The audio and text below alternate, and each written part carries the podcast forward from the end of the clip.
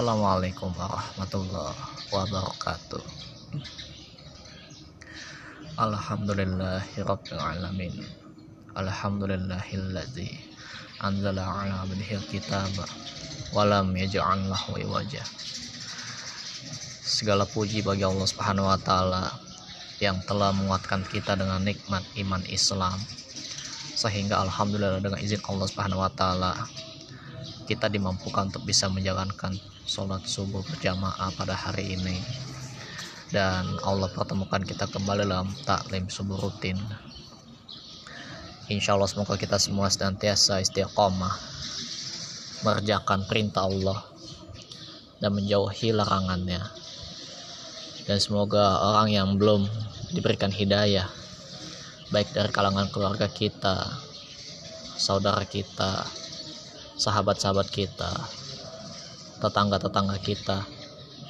Atau mungkin orang-orang yang belum kita kenal. Semoga Allah berikan hidayah kembali ke jalan yang diridhoi oleh Allah Subhanahu wa taala. Amin ya rabbal alamin.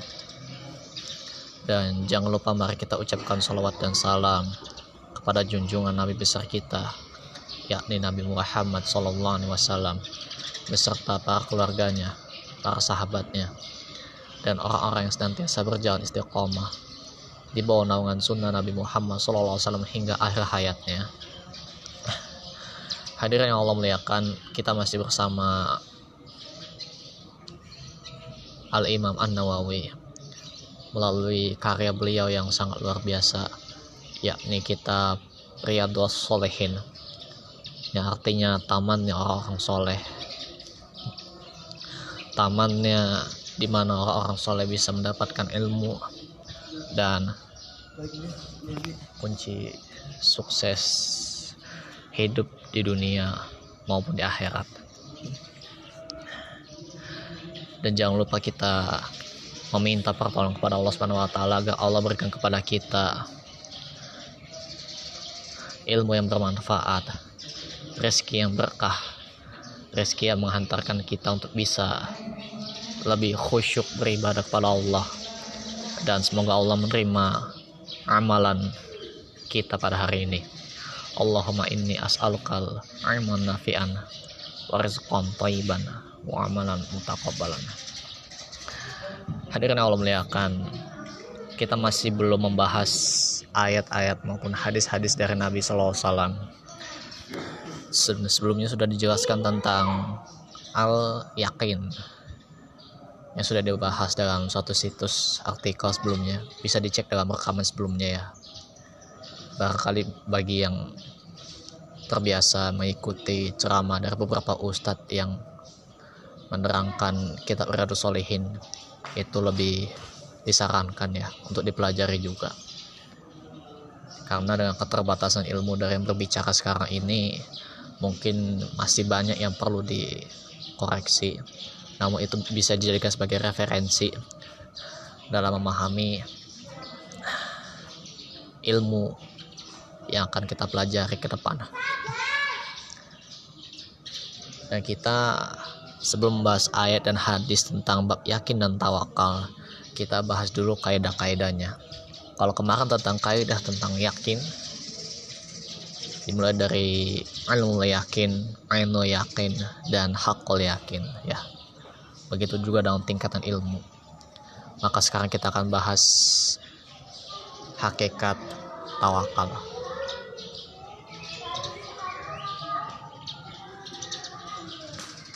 Uh, kemarin kita jelaskan, bukan kemarin ya, ada tambahan ilmu tentang yakin hari ini dari perkataan Al-Imam Ibnu Qayyim menjelah menerangkan makna yakin. Beliau mengatakan yakin dalam iman seperti kedudukan ruh dalam jasad yang dengannya orang-orang yang arif saling berunggul-unggulan. Orang-orang berlomba-lomba padanya. Orang-orang yang beramal berjalan kepadanya. Dan suatu kaum beramal agar berada di atasnya.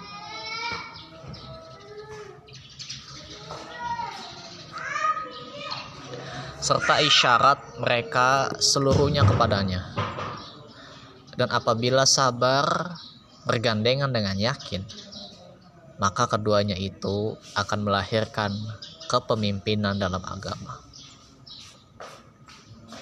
Kepemimpinan dalam agama. Dan kemarin sebelum-sebelumnya di bulan sebelumnya kita jelaskan tentang bab sabar ya. Nah, kalau bab sabar ini digabungkan dengan bab yakin dan tawakal tentunya, maka itu akan melahirkan kepemimpinan. Gitu. Allah Subhanahu wa taala berfirman dan dengan firman-Nya orang-orang yang mencari petunjuk akan mendapat petunjuk insya Allah. Bunyi ayatnya surat As-Sajdah ayat 24. Waj'alna minhum a'immatan yahdu nabi amrina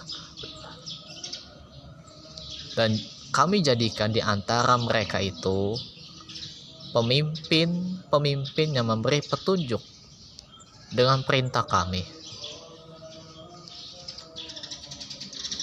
Syaratnya adalah lama sobaru ketika mereka sabar. Wakanu bi ayatina yuqinun dan mereka ada dan adalah mereka meyakini ayat-ayat kami. Jadi sabar ini kudu digabungkan dengan ilmu yakin ya. Sabar bisa bersabar tapi tidak yakin maka tentunya power keimanan kita kepada Allah tidak akan kuat dan salah satu karakter pemimpin itu mereka memang harus kuat. Kuat dalam memegang urusan-urusannya. Dan tentu untuk bisa memegang urusan-urusannya itu diperlukan sabar. Pemimpin secara umum ya. Pemimpin keluarga. Pemimpin RT RW atau yang lebih tinggi dari itu ya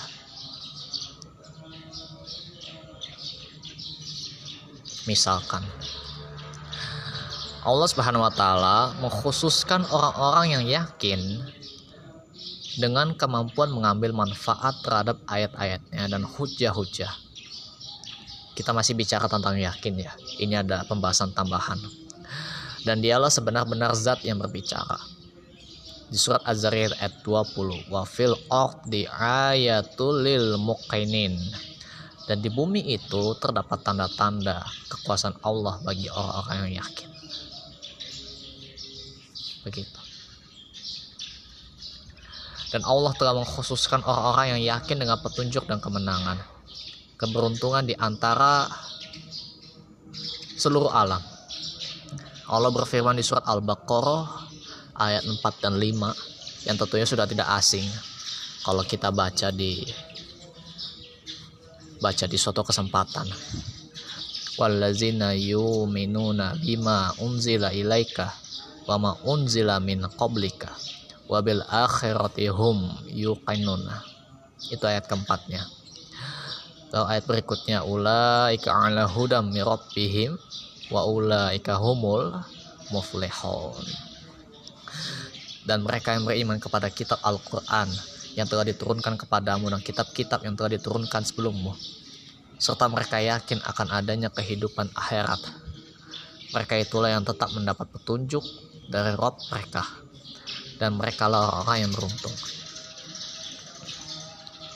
Jadi yakin yang dimaksud di sini adalah yakin adanya kehidupan akhirat.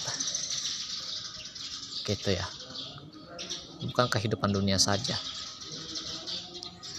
jadi kalau sabar digabungkan dengan yakin berarti di samping kita sedang berusaha sabar dikala kita menghadapi musibah, maka orang tersebut punya keyakinan bahwa kesabarannya ini akan dibalas oleh Allah Subhanahu wa taala dengan pahala tanpa batas di akhirat nanti. Seperti di surat Az-Zumar ayat 10 yang sudah dijelaskan berulang-ulang di bab sebelumnya, bab sabar.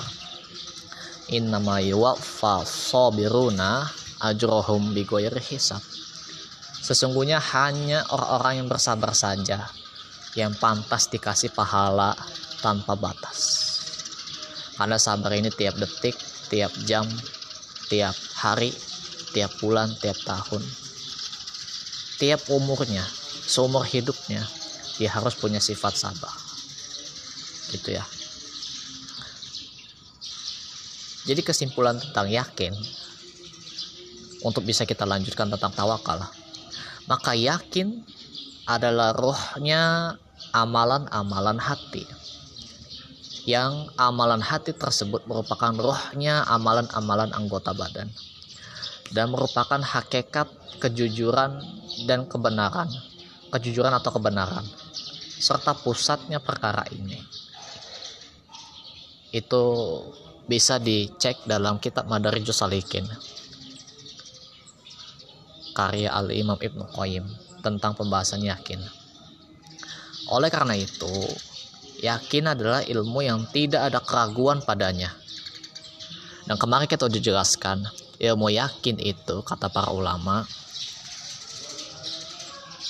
ilmu yakin itu adalah ilmu yang menghapuskan keraguan-raguan atau yang tidak ada keraguan padanya. Dan itikot atau keyakinan, kepercayaan yang sesuai dengan kenyataan. Dan kemarin kita udah jelaskan lagi ada tingkat-tingkatan dalam yakin, yaitu ilmu yakin, ilmu yakin, dan hakul yakin. Begitu. Dan begitu seterusnya. Lalu Bagaimana dengan tawakal? Hadir yang Allah muliakan, insya Allah tidak banyak yang bisa dibahas. Kita jelaskan tentang tawakal dengan keterbatasan waktu dan ilmu dalam berbicara. Nah, kita minta pertolongan pada Allah Subhanahu wa agar Allah melengkapi ilmu kita dengan yang bermanfaat agar bisa kita praktekkan dalam kehidupan sehari-hari. Karena kaidah ini sangat penting sebelum kita memahami ayat demi ayat dan hadis Nabi SAW. Tawakal secara bahasa itu dari kata waw, kaf, lam, wakala. Wakala ya kilo. Ketika bicara tentang wakala, maka ini judulnya adalah tentang serah terima. Judulnya tentang menyerahkan suatu urusan kepada sesuatu. Ke, menyerahkan suatu urusan kepada orang kepada pihak yang disandarkan pihak yang ditawakali gitu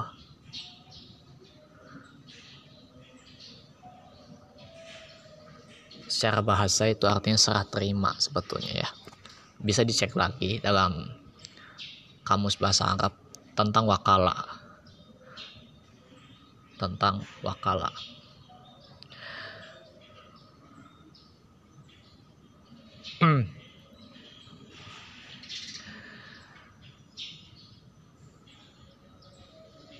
Itu secara bahasa.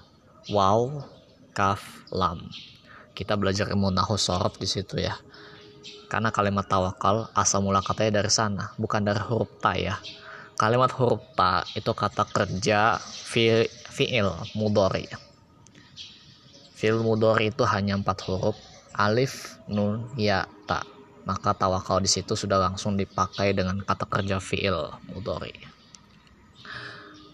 tapi asal katanya dari huruf waw wakala silahkan dicek dalam ustadz yang membahas keilmuan ahu sorof ya.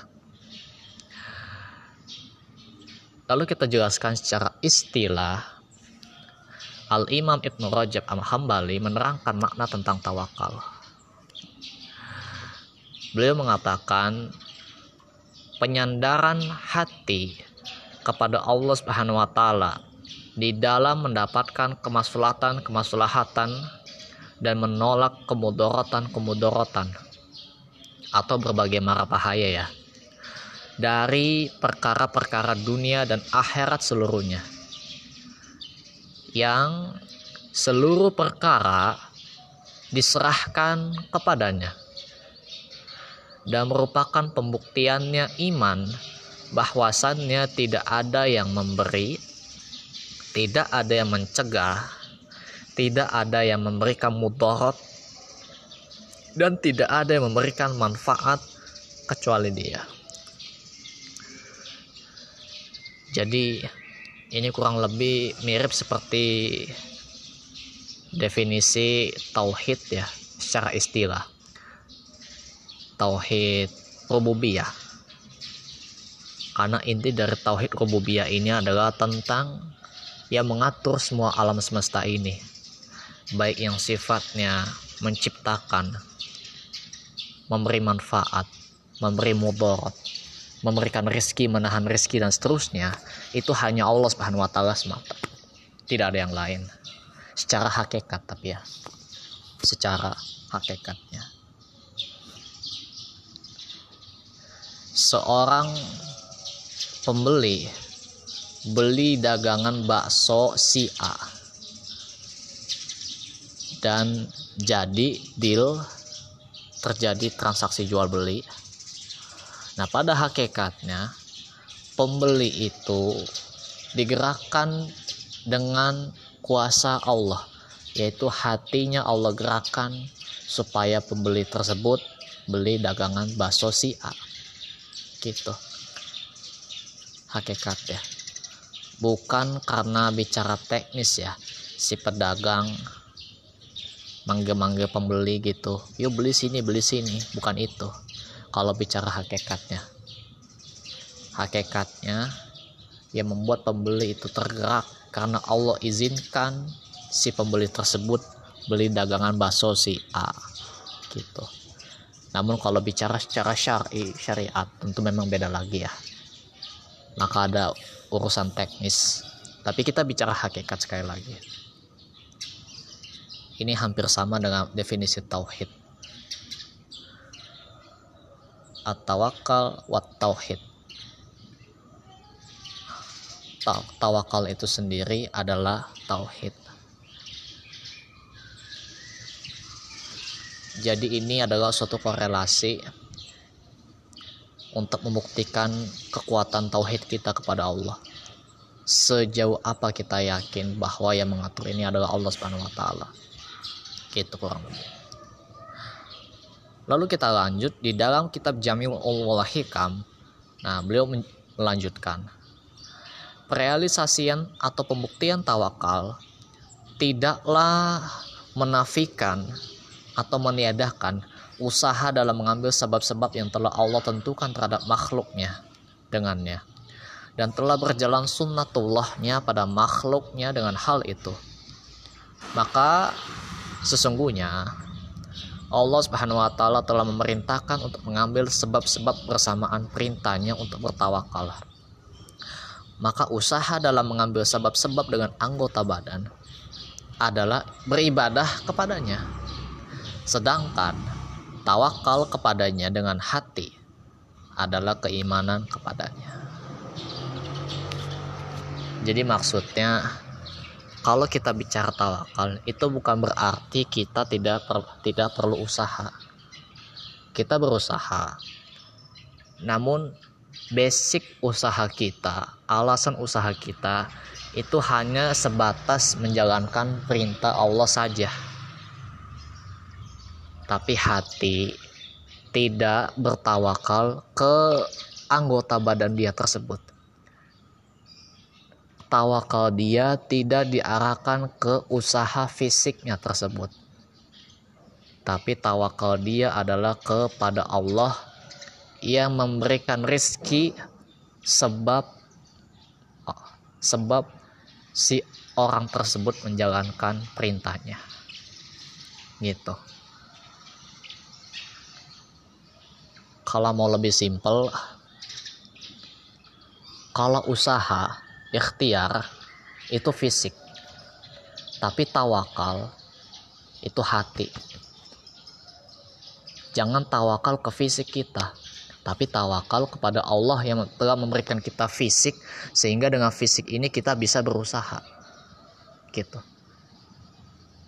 Dan kita akan paham konsekuensi bahwasannya fisik kita punya batasan. Sehingga sehingga kita tidak akan malas dalam mengerjakan sebab dalam mengerjakan perintah kita tidak akan malas dalam berikhtiar tetapi kita juga tidak overdosis dalam beribadah, tidak overdosis dalam berikhtiar. Ada porsinya. Ada kemampuannya tersendiri yang Allah berikan, gitu. Fisik maksimal, tapi maksimal itu bukan ukuran kuantitas, kualitas badannya, gitu. Sejauh apa dia mampu itu yang dikeluarkan dan hati dia bertawakal kepada Allah Subhanahu wa taala. Maka kita perlu baca hadis dari hadis riwayat Tirmizi kalau tidak salah. Nanti silakan cek ulang. Lau kuntum tawakkalun 'alallahi haqqat tawakkuli la razaqakum kalau kalian benar-benar bertawakal kepada Allah, maka Allah akan memberikan kalian rizki sebagaimana Allah kasih rizki kepada seekor burung. Tatu khimason wataronu bituna. Oh maaf, watarotu bitona. Berangkat di pagi hari dalam kondisi perut lapar dan pulang di sore hari dalam keadaan perut berisi cukup gitu jadi ini bukan lagi kiasan sebetulnya kalau bicara waktu ini sudah perintah Allah kita punya waktu pagi sampai sore untuk berikhtiar mencah men, apa namanya berikhtiar menjalankan sebab-sebab kita mendapatkan rizki dan seterusnya walaupun urusan tawakal ini bukan urusan cari uang aja sih ya kita bertawakal bahwa yang membuat kita bisa kuat dalam beribadah ini hanyalah Allah Subhanahu wa taala. Allah yang kasih kita fisik. Mungkin fisik kita tidak Allah kasih untuk bisa menjalankan sholat terawih 20 rakaat misalnya. Allah hanya memberikan kita kemampuan untuk bisa menjalankan sholat terawih dengan kemampuan 8 rakaat plus 3 witir misalnya. Maka kita tidak akan overdosis dalam menjalankan perintah Allah. Gitu karena kita karena Allah sudah kasih dosisnya ke kita ada orang yang tidak sanggup untuk bisa menunaikan sholat tahajud. Namun ada yang Allah berikan kemampuan kepadanya dalam urusan harta supaya bisa berinfak sebanyak-banyaknya. Nah itu yang dia maksimalkan. Dan dia bertawakal semoga Allah jadikan dia termasuk orang-orang yang istiqomah dalam ramal soleh. Gitu. Nah, kesimpulannya kenapa di kenapa Al Imam Ibnu Qayyim memasukkan dua kaidah di satu bab bab yakin dan tawakal. Nah, Al Imam Ibnu Qayyim Al Jauzi masih dalam kitab Madarijus Salikin mengatakan yakin adalah pasangannya tawakal, temannya tawakal. Dan karena inilah ada yang menafsirkan tawakal dengan kuatnya yakin, dengan kuatnya keyakinan. Sedangkan yang benar adalah bahwa tawakal adalah buahnya yakin dan hasilnya. Begitu. Jadi tawakal itu adalah hasil dari kekuatan keyakinannya. Buah dari keyakinannya adalah tawakal. Kalau dia sudah yakin, maka dia hanya perlu bertawakal kepada Allah Subhanahu wa taala. Gitu. Dia yakin sebesar apa pun target omset bisnisnya misalnya. Namun dia sadar Allah sudah kasih aturan dalam urusan dia mencari rezeki misalnya. maka dia tidak akan melewati rambu-rambu yang telah Allah kasih. Dia tidak akan ngambil modal dengan cara yang haram, berjualan, mencari keuntungan dengan cara yang haram, dan dia tidak akan memakai waktu atau jatah waktu melebihi yang telah Allah kasih kepadanya. Itu tawakal. Kalau di kita dalam urusan rezeki, uang, tanda kutip, biasanya overdosis hadirin. Gitu. Halal haram ditabrak. Sudah nggak peduli lagi. Udahlah kan nggak ada kesempatan lagi ini. Mumpung diambil gitu. Padahal yang diambil ini bisa jadi haram itu kan nabrak overdosis yang Allah minta hanya halal aja tapi ketika kita tabrak ambil yang haram karena kita nggak peduli maka kita tidak tawakal disebutnya kita sudah punya keluarga.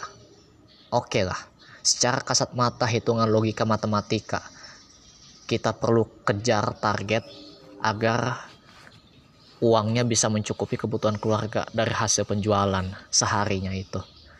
Tapi dia harus paham, rezeki itu bukan hanya sekedar uang, tapi rezeki itu bisa berupa kesehatan dan semacamnya yang disebut rezeki sehingga dia tidak menjadikan uang sebagai alasan dia untuk berangkat dari pagi sampai semalaman dan menghilangkan hak-hak yang lain yang harusnya ditunaikan oleh sang kepala keluarga kepada keluarganya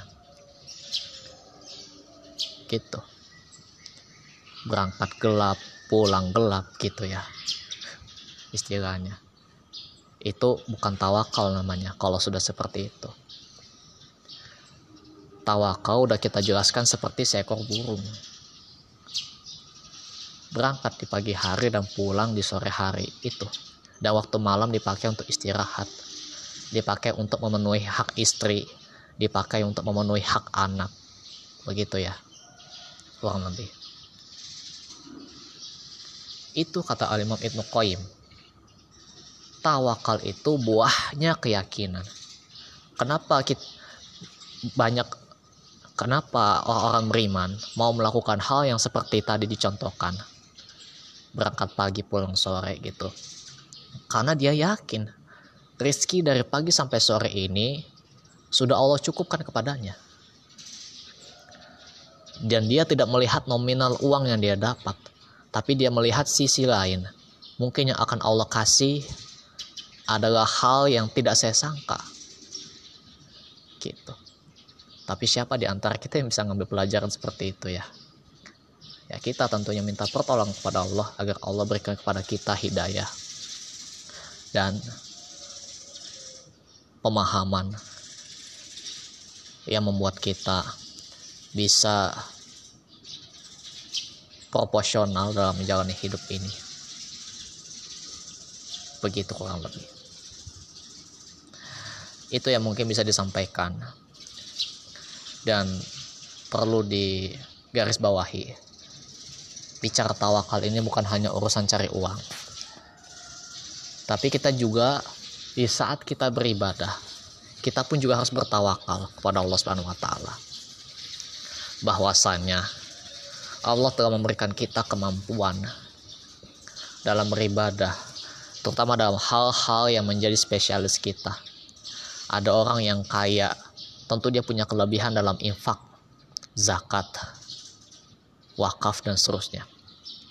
Ada orang yang punya kemampuan fisik yang bagus, maka tentu sholat sunnah, puasa, haji, umroh itu lebih utama untuk dia. Itu yang dicari, itu yang dimaksimalkan. Dan penerapan tawakal itu maksudnya adalah dia meminta pertolongan kepada Allah Subhanahu wa taala sebelum melakukan ibadah, sebelum melakukan aktivitas pekerjaan atau penjualan gitu ya. Minta pertolongan kepada Allah, lalu setelah itu dia berusaha. Setelah dia berusaha dengan syariat yang sudah Allah tentukan, maka dia berdoa lagi, bertawakal lagi kepada Allah. Begitu. itu esensi orang yang tawakal menyerahkan segala urusannya kepada Allah Subhanahu wa taala. Jadi tawakal ini amalan hati hadirin ya. Fokuskanlah ke hati. Yakin dan tawakal ini adalah urusan hati, bukan fisik. Fisik itu akan mengikuti bagaimana hatinya. Kalau hatinya bersih, bisa memahami ayat-ayat Allah dengan baik, maka insya Allah kemampuan fisiknya dalam melakukan ikhtiar akan maksimal, namun tidak overdosis dan juga tidak malas dalam bergerak. Begitu. Dan insya Allah mungkin bisa dijelaskan oleh ustadz lain tentang makna tawakal dan yakin dan itu mungkin kaidah yang cukup yang bisa disampaikan oleh yang berbicara pada hari ini Insya Allah besok kita akan mulai membahas ayat demi ayat dan hadis demi hadis dari Nabi SAW. Besok insya Allah kita akan membahas tentang ayat pertama di surat Al-Ahzab ayat 22. Walamma ra'aul ra'aul mu'minunal ahzabah qalu dan tak kalau orang-orang mukmin melihat golongan-golongan yang bersekutu itu, mereka berkata, Haza ma wa'adanallahu wa rasuluh.